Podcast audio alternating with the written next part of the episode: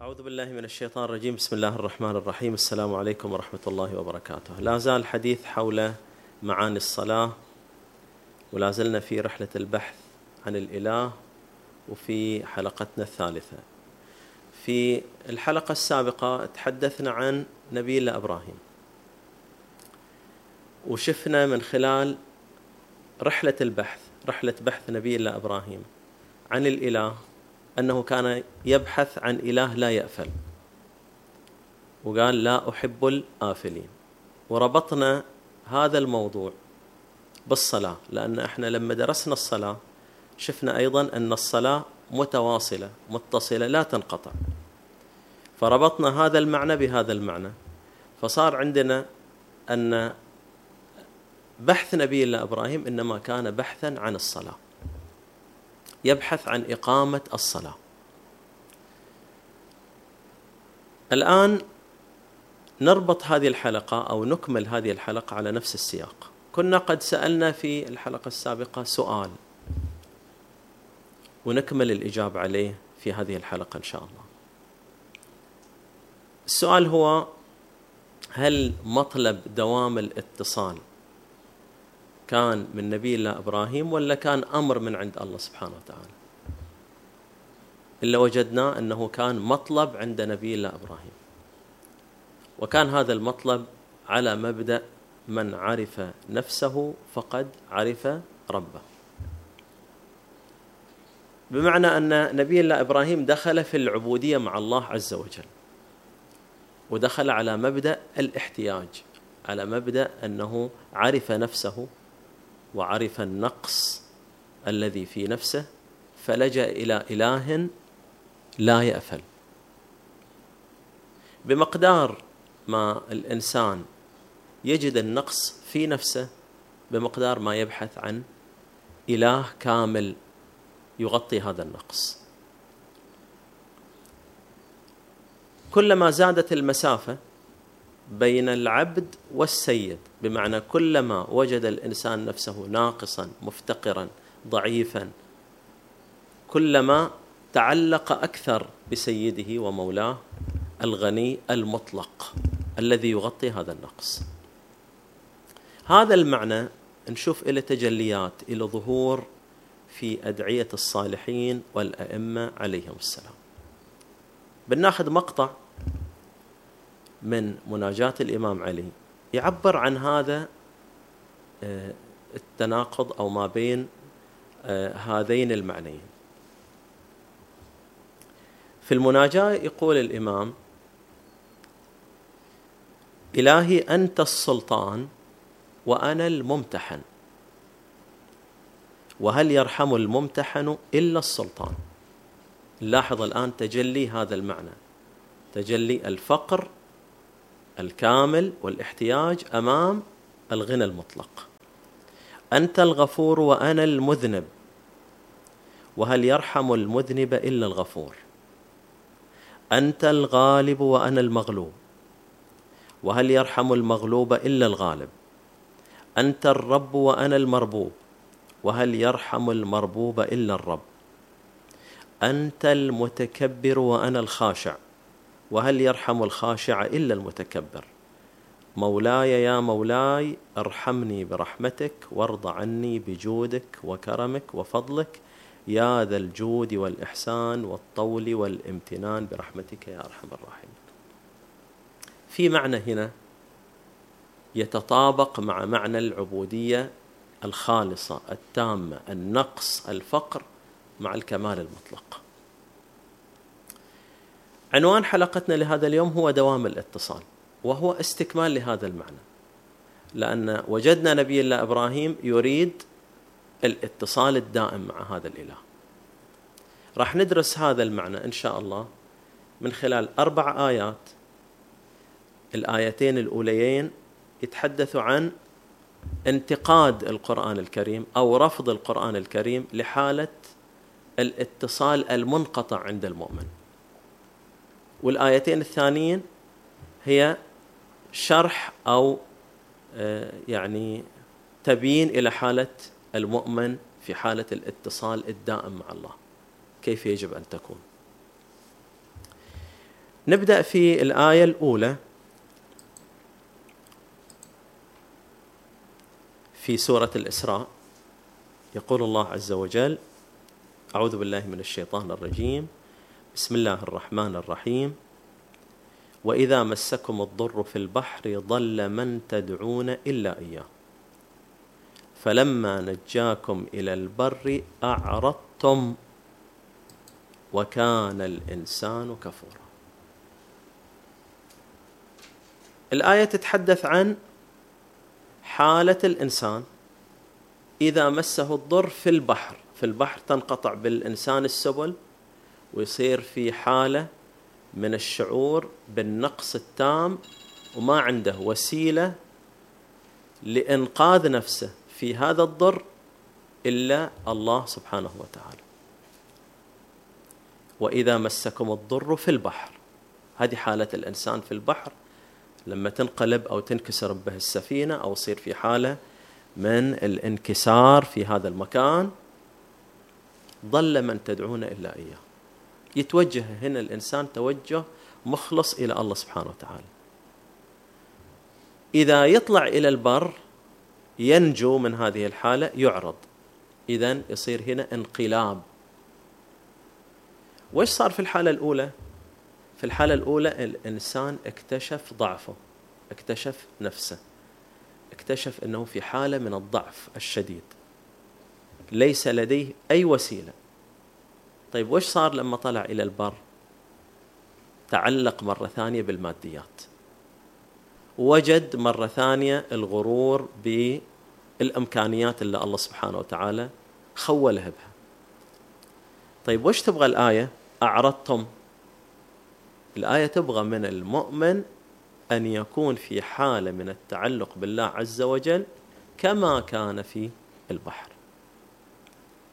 هنا الآية تقول أنت هنا اكتشفت نفسك. هنا عرفت نفسك عرفت ضعفك.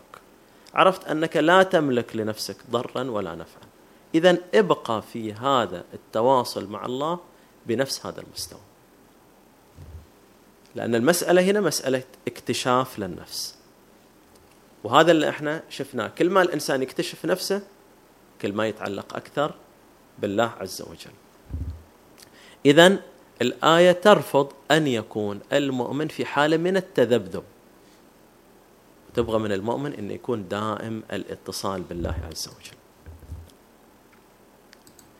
الآية الثانية في سورة يونس نفس المضمون مع تغير إلى الألفاظ أو تغير إلى الوضع. الآية تقول وإذا مس الإنسان الضر دعانا لجنبه أو قاعدا أو قائما فلما كشفنا عنه ضره مر كأن لم يدعنا إلى ضر مسه كذلك زين للمسرفين ما كانوا يعملون. هذا الإنسان هنا الآية تقول إذا مس الإنسان مسه الضر. قد يكون الضر شيء عارض شيء بسيط. بس لما الآية تقول مس يعني مشاعره تأثرت. لأن المس شيء داخلي. معناته مشاعره تأثرت. معناته شعر بأنه مفتقر. مفتقر إلى نعمة ما. إلى قضية ما. ووجد أن لا يوجد حل إلا الله عز وجل.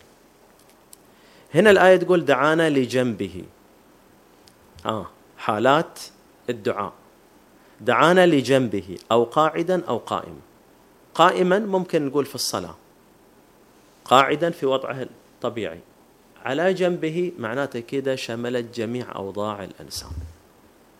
الجنب هذا الاضطجاع حالة النوم معناته ما هو ناسي وضعه ما هو ناسي افتقاره وعلى الدوام في دعاء وتواصل مع الله سبحانه وتعالى. إذا الآية هنا تشير إلى دوام الاتصال في حالة مس الضر. طيب بعدين وش يصير؟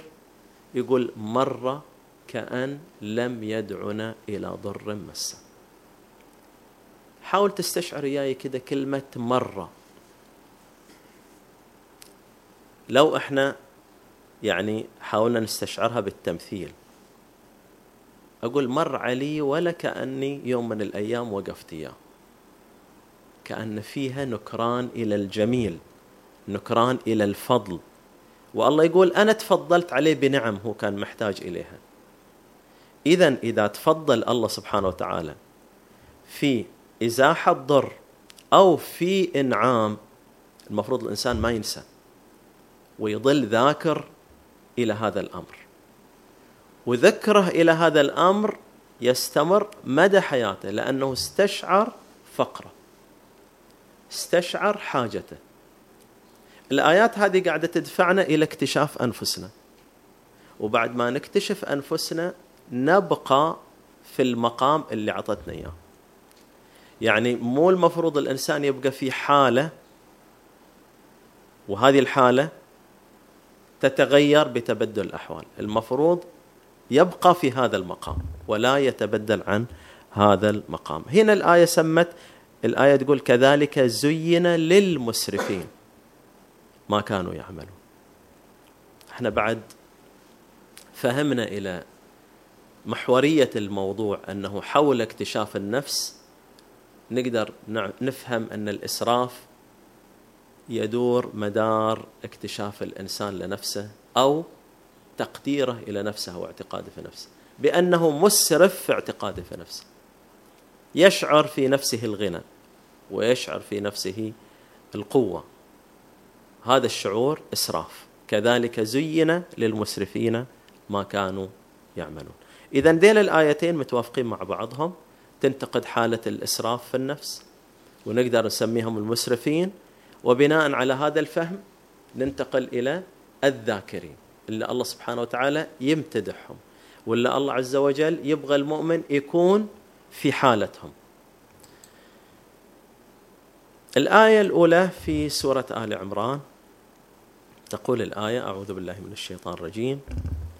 إن في خلق السماوات والأرض واختلاف الليل والنهار لآيات لأولي الألباب. الذين يذكرون الله قياما وقعودا وعلى جنوبهم ويتفكرون في خلق السماوات والأرض ربنا ما خلقت هذا باطلا سبحانك فقنا عذاب النار. يتكلم عن المؤمنين الآن وخلينا نشوف بالمقارنة. هل هؤلاء المؤمنون تعرضوا إلى ضر أو هم في حالة من الضر عشان يذكروا الله قياما وقعودا وعلى جنوبهم؟ بدون ضغط بدون ضغوطات بدون تبديل للحالة. وخلينا نكتشف أو نلاحظ حاجة مهمة أيضا. إن تعلقهم وتفكرهم وتأملهم في الكون حاضر. ولو رجعنا إلى قضية نبي الله إبراهيم بنلاحظ إنه بدأ في التأمل والتفكر في مخلوقات السماوات والأرض. كذلك نري إبراهيم ملكوت السماوات والأرض. هذا أيضا تفكرهم حاضر موجود. النتيجة صاروا يذكرون الله قياما وقعودا وعلى جنوبهم. وصلوا إلى هذا المستوى بالتفكر بالتأمل. ولاحظ أن الذكر في جميع الحالات القيام القعود وعلى الجنوب. وهذا يدل على دوام الاتصال بالله عز وجل. أن اتصالهم بالله دائم لا ينقطع. ولا يتبدل ولا يتذبذب حسب الظروف. سواء كانوا في الضر أو في الرخاء. دائمي الاتصال في الرخاء هم كما لو كانوا في الضر. وهذه الحالة اللي الله سبحانه وتعالى يمتدحها. ولاحظ هنا الله عز وجل لما يتكلم عن هؤلاء المؤمنون يتحدث على إن هذه صفاتهم. يتحدث عن صفة والصفة الإنسان يكتسبها ولو جينا نسأل من وين اكتسب هذه الصفة الآية تبين من خلال التأمل كأن المدخل هنا تتأمل تكتشف نفسك عشان تصل إلى مرحلة الثبات في العلاقة مع الله عز وجل. أمام ناظرهم حقيقة أنفسهم. وكذلك أمام ناظرهم حقيقة الآخرة، ولذلك هم في تعلق دائم مع الله عز وجل. ننتقل إلى الآية الأخيرة وهذه الآية تتحدث عن الفريقين فريق المسرفين وفريق الذاكرين. تتحدث عنهم في آيتين متقابلتين أو متجاورتين. الآيتين في سورة الزمر الآية ثمانية والآية تسعة. وإذا مس الإنسان ضر دعا ربه منيبا إليه ثم إذا خوله نعمة منه نسي ما كان يدعو إليه من قبل. وجعل لله أندادا ليضل عن سبيله قل تمتع بكفرك قليلا إنك من أصحاب النار. كلمات واضحة وبينة وفيها من الشدة ما فيها للتعبير عن حالة التذبذب. مرة ثانية تتحدث عن مس الضر وأن الإنسان في هالحالة ينيب إليه هذه الإنابة في هالحالة هذه ثم إذا خوله نعمة نسي ما كان يدعو إليه. ونرجع مرة ثانية إلى كلمة النسيان. هناك مرة كأن لم يدعنا تعبر عن النسيان وهنا أيضا تعبر عن النسيان أو تعبر عن نكران الجميل. نسي ما كان يدعو إليه من قبل.